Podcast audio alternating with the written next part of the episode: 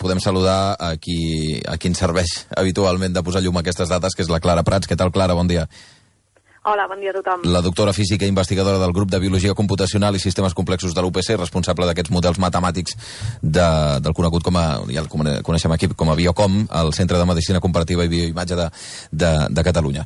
Um, dèiem que probablement, i, i això en els pròxims dies serà així, la primera dada que, que mirarem serà el, la qüestió hospitalària. Aquí ja potser no... Eh, vaja, el, el creixement serà sostingut, imagino, perquè sempre és el que va més tard, però estem acostant-nos molt, molt, molt al, al nivell a partir del qual es, es, es considera que hi ha un, un problema greu, que és quan arribes als 600, a les 600 persones eh, amb Covid a les, a les UCIs catalanes, no?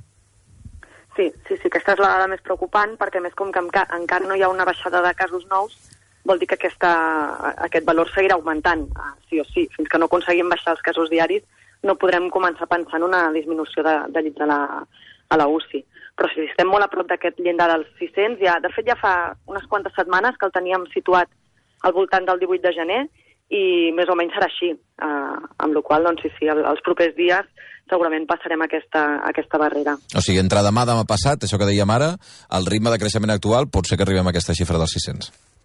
Sí, en dos o tres dies és, és el més probable que passi, sí, mm -hmm. sí. Mhm. A partir d'aquí, evidentment, és un, és una, és una, és un límit, diguem-ne, psicològic des d'un punt de vista, però a, la, a la pràctica eh, aquest límit és el que tots els indicadors eh, o, o tots els experts eh, de, del món eh, mèdic diuen que a partir d'aquí és quan es comencen a desprogramar operacions, quan comença a, a patir realment un hospital, no? Sí, això és el que ens diuen i per això sempre estem molt pendents d'aquesta d'aquesta xifra perquè realment és, és, és un problema i ha acabat molt més enllà de la Covid perquè deixes d'atendre eh, desprogramar operacions que són necessàries i eh, si segueix creixent, doncs, eh, evidentment, això afectarà també les urgències, no? Aquests malalts d'UCI veient que la R actualment està a 1,4, per tant, res fa preveure avui que els casos diaris baixin, eh, i això vol dir que en els pròxims 10 dies, 15 dies, això no es notarà als hospitals, segur. Fins a on podria, podria arribar amb els vostres models? Quina, quina quantitat de persones a les UCIs podria haver-hi? Uh, depèn una mica... Mira, començo, començo comentant això de la, de la R, sí. perquè el, ja aquest Nadal, jo crec que ho hem, hem dit alguna vegada, que amb els festius entremig, uh -huh. uh, que tenim a mitja setmana, ponts de tres dies, tot això, distorsiona moltíssim el càlcul de la R tal com es fa de, de base. Uh, aleshores, la, aquesta setmana encara tenim aquesta R distorsionada, no? doncs perquè, per exemple, quan comparem els casos d'aquesta setmana amb els de la setmana passada, sí. tenim el dia de Reis pel mig, no? que sembla que cada cop hi hagi menys casos. Clar. I no és així, és que el dia 6 se'n van diagnosticar menys. Per tant, és una R que, que és, és, en aquest cas uh, ens, va, ens va fluctuant molt, ara ho deia la, la vostra companya, perquè depèn de si el dia de Reis, per entendre'ns, et cau el numerador o el denominador, això et canvia el, el valor d'aquesta R. Aleshores, el que hem vist fent el seguiment de tot aquest Nadal i, i corregint, fent una correcció específica per tots els festius, no? de, com molt manual, de dir, com que el dia 6 és festiu, eh, no eren tants casos, sinó que podria haver estat tants, fent així una correcció més o menys manual, hem vist que ens hem mantingut amb un creixement molt constant, amb una R d'entre 1,1 i 1,2. Hem anat, hem anat uh, fluctuant una mica. I, I estem així encara. Estem, ara estaríem amb una R més de, de 1,1, no estem amb aquesta R d'1,4 realment. Uh -huh, uh -huh. Per tant, i, i aleshores el, el pas següent és dir, doncs mira, ara estem veient dades fins dimecres, crec, les, les últimes dades eh, consolidades són de dimecres, perquè sempre es descarten aquests últims tres dies. Sí. Dij quan consolidem les dades de dijous ja farà una setmana de les mesures, de, del paquet de mesures que es va aprovar el 7 de gener. A partir d'aquesta setmana, eh, si les mesures fan efecte, el que s'espera és que la R comenci a baixar de forma sostinguda que la R comenci a baixar de forma sostinguda vol dir que es comença a frenar aquest augment de contagis, no vol dir que baixem encara. Fins que la R no estigui per sota d'1 no haurem doblegat la corba, però sí que es començaria a frenar aquesta, aquesta pujada al cim, no? El, el camí es començaria a planar una mica. Quan? Uh, hauríem de començar a veure ja aquests, amb les properes dades que vagin sortint de la R, quan deixem de tenir aquest efecte artefacte dels festius i tot plegat, o, o bé fent aquestes correccions que, que fem nosaltres, hauríem de veure ja que la R comença a baixar. Si aquesta R comença a baixar, vol dir que estaríem propers al pic de nous casos, que el tindríem ja uh, la setmana que ve i que, per tant, de cara a l'altra, doncs ja, o, o cap de 10 dies, entre 10 i 14 dies, podrien tenir ja el pic d'ocupació de les UCIs, no?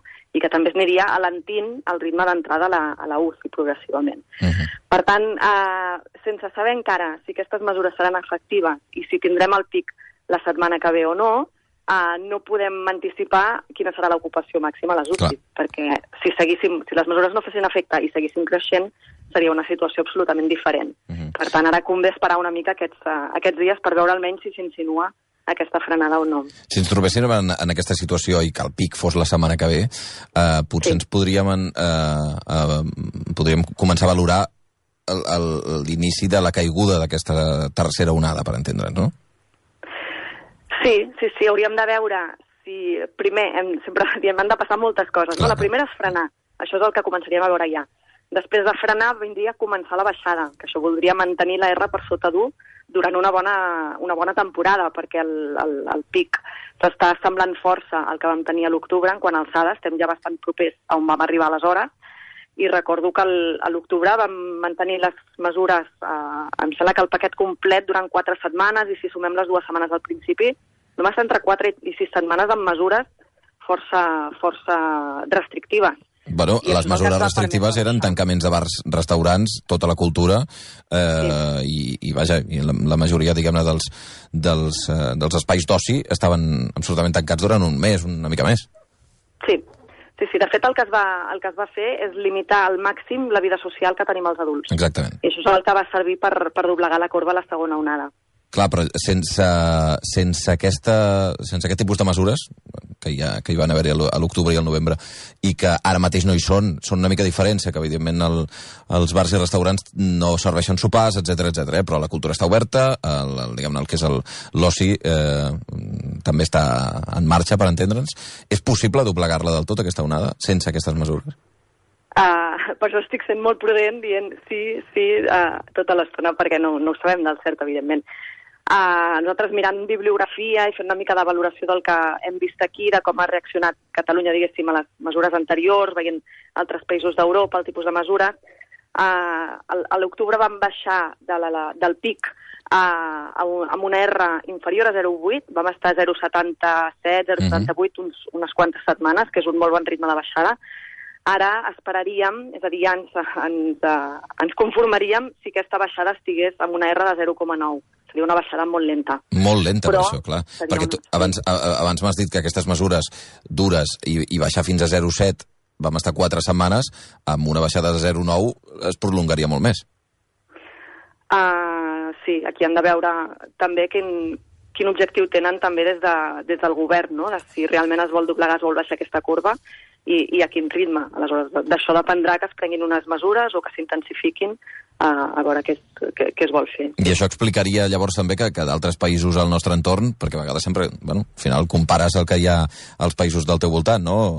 Restriccions molt dures a Itàlia, a Alemanya, al Regne Unit, que suposo que aquells sí tenen la pretensió de fer baixar la R d'una manera radical, no? Això és el que, això és el que s'intueix per les mesures que estan prenent, sí. Mm. Sí, sí. Que l'objectiu és, és anar a una incidència molt més baixa de la que tenen ara. Mm -hmm. Uh, els indicadors del 14 de febrer, uh, que eren els motius pels quals s'han ajornat aquestes eleccions, continuen sent els mateixos que, que s'havien previst, és a dir, que que l'ocupació hospitalària fos probablement la pitjor a l'entorn de l'inici de la campanya electoral, que ja no existirà? Uh, doncs sí, de moment, els, uh, com que aquesta tendència que comentava s'ha mantingut aquesta setmana, uh, si, si tot seguís igual, els escenaris serien una mica els mateixos. Uh -huh. uh, per tant, les, les dades, sobretot el que preocuparia, és a dir, si les mesures són efectives estaríem de baixada, encara amb una incidència molt alta, perquè si aconseguim baixar s'espera que sigui un ritme lent, però sí que l'ocupació de, la, de les UCIs estaria encara en el seu punt àlgid, pràcticament, sí. Mm.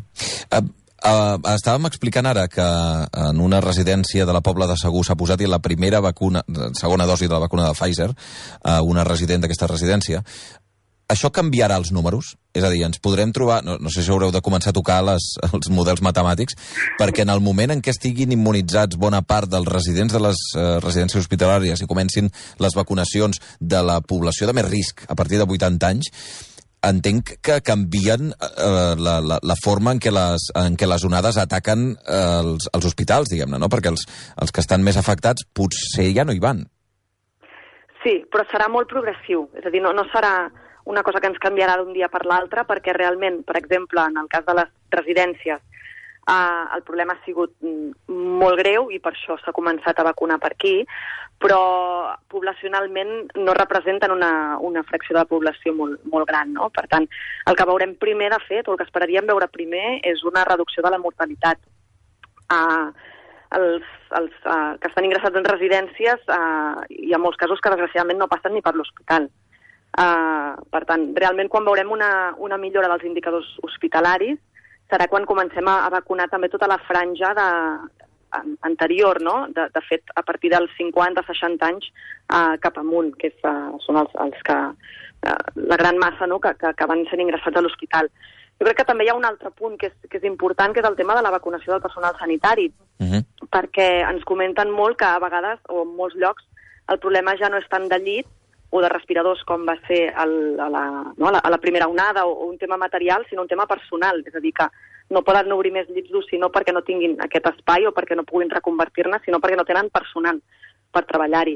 Uh, per tant, aquesta vacunació del personal sanitari hauria de jugar molt a favor també del, de, de, de que aquesta pressió, no, tot i que els números siguin els mateixos, es pugui uh, portar millor tant als hospitals com també als centres d'atenció primària, que recordem que estan aquí a la primera línia batallant i parlem molt pocs d'ells, la, la veritat, no? Doncs uh, totes aquestes vacunacions del personal sanitari ajudaran molt a, a donar, esperem, a donar una mica d'aire també a, a, a, no, a, aquest, a aquest sector. Uh, deixem fer-te un parell de preguntes a nivell de mesures. Uh, la, doctora, la doctora Prats, sabeu que bàsicament es dediquen a fer models matemàtics arran de les decisions que es prenen.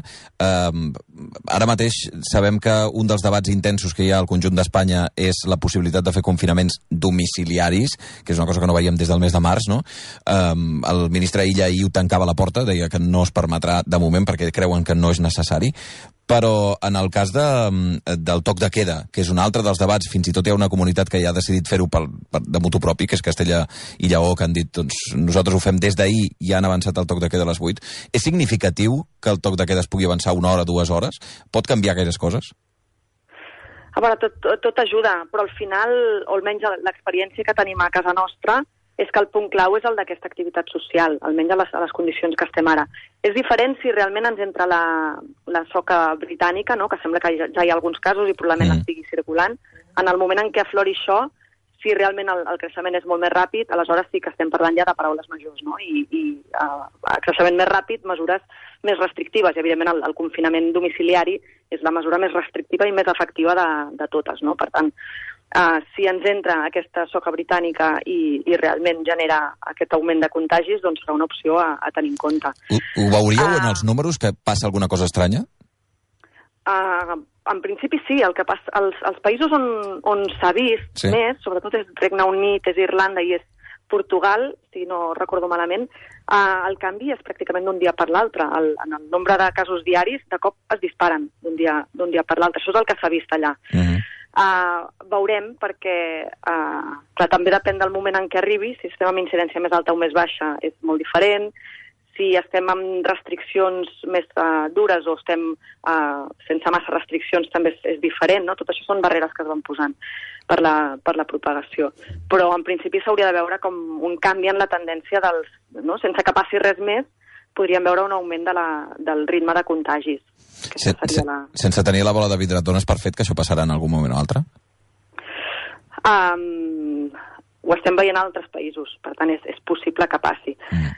També és cert que hi ha països com Dinamarca que estan amb, estaven en mesures ja molt restrictives quan van començar a, sí. a detectar aquesta soca britànica. Tenen bastants casos, perquè allà fan també un, un seguiment, fan molta seqüenciació, en fan tant a, a Regne Unit com a Dinamarca, són els dos països que sistemàticament van mirant no? quins són els, el nom i cognoms de cada, no? de, del virus que, que infecta una bona part dels, dels malalts, i allà tenen força casos detectats, però en canvi no hi ha hagut un, un creixement significatiu, principalment i segurament perquè estan en mesures molt restrictives. Mm -hmm. Per tant, cal, cal veure-ho també. 10 i 33 minuts, doctora Clara Prats, moltíssimes gràcies, com sempre. Moltes gràcies a vosaltres, que passeu un bon diumenge. Bon diumenge.